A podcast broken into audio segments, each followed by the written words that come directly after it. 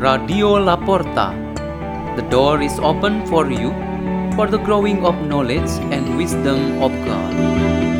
Delivered by Mayolisia Ekayanti from Saint Anna Church of Duren Sawit in Jakarta, Indonesia, and Brother Franco SDB from Don Bosco School of Theology in Manila, Philippines.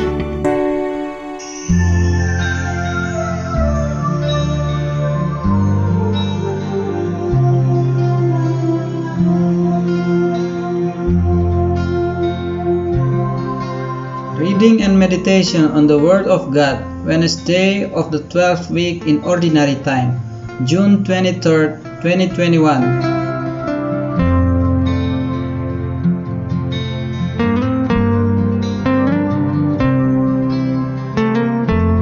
The reading is taken from the Holy Gospel according to Matthew. Jesus said to his disciples, Beware of false prophets who come to you in sheep's clothing, but underneath are ravenous wolves. By their fruits you will know them. Do people pick grapes from thorn bushes or figs from thistles?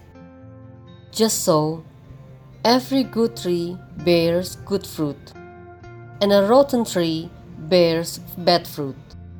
A good tree cannot bear bad fruit, nor can a rotten tree bear good fruit. Every tree that does not bear good fruit will be cut down and thrown into the fire. So by their fruits you will know them. This is the gospel of the Lord.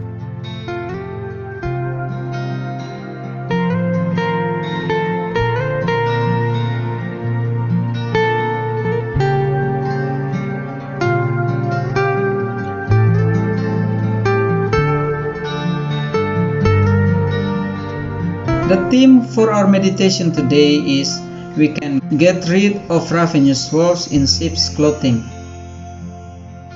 This phrase, a wolf in sheep's clothing, is familiar to us. The following illustration can help us to reflect on what is meant by ravenous wolves in sheep's clothing. It has been for about six months that the mothers from the Paris community have formed a group commonly known as the Women's Social Gathering that comprise of women of the same profession, namely the housewives. The unity in this group at certain points started shaken because of the storm from within.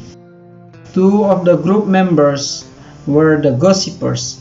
These two women were actually the leaders of the group and well respected all other members actually loved to listen and to follow them. However, it was very disappointing to finally discover that all the rumors and fake messages involved around actually came from those two mothers. They definitely deserve to be called the ravenous wolves in sheep's clothing. The wolf is a wild animal that reflects the nature of man which has the potential to endanger and to destroy life. Human reason is a basic faculty in man that can play with mask in order to cover up any weakness or mistake in it. And what is always visible to others is a good and attractive aspect of it. This is reflected by the ship's wall, which is always smooth, nice, and beautiful. The original nature of character of man is actually cruel and evil like wolf, and yet covered by the outer cloth which apparently nice like sheep's wool. Jesus advises us to be always alert and careful of the false prophets who like to disguise themselves as good people. They always look good, but in fact, they are ravenous wolves. Their way of life and their manners to live in the society really prove that they are evil. Maybe they seem good at talking, praying, fasting, and teaching other people. Perhaps their knowledge in spiritual aspect is so convincing and understandable. But in the end, it is a real life that speaks about the quality of man and not theory or visibility and appearance. The most useless and dangerous way of this particular lifestyle is when it leads other people astray, that those people do not find the true path to follow until they reach God. This is what Jesus absolutely condemns. The Pharisees and scribes were the people of this type. They had received punishment from Jesus. And for us, we must be always vigilant to every form of disguise made that claims it is the Lord.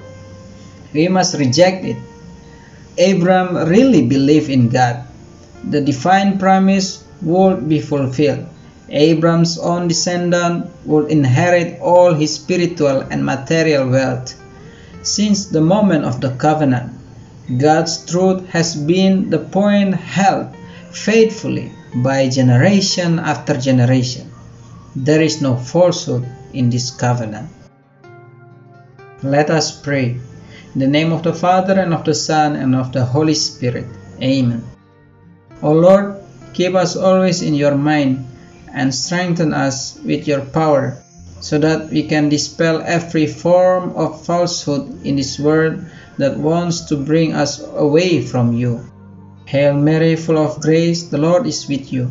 Blessed are you among women, and blessed is the fruit of your womb, Jesus. Holy Mary, Mother of God, pray for us sinners, now and at the hour of our death. Amen. In the name of the Father, and of the Son, and of the Holy Spirit. Amen. Radio La Porta.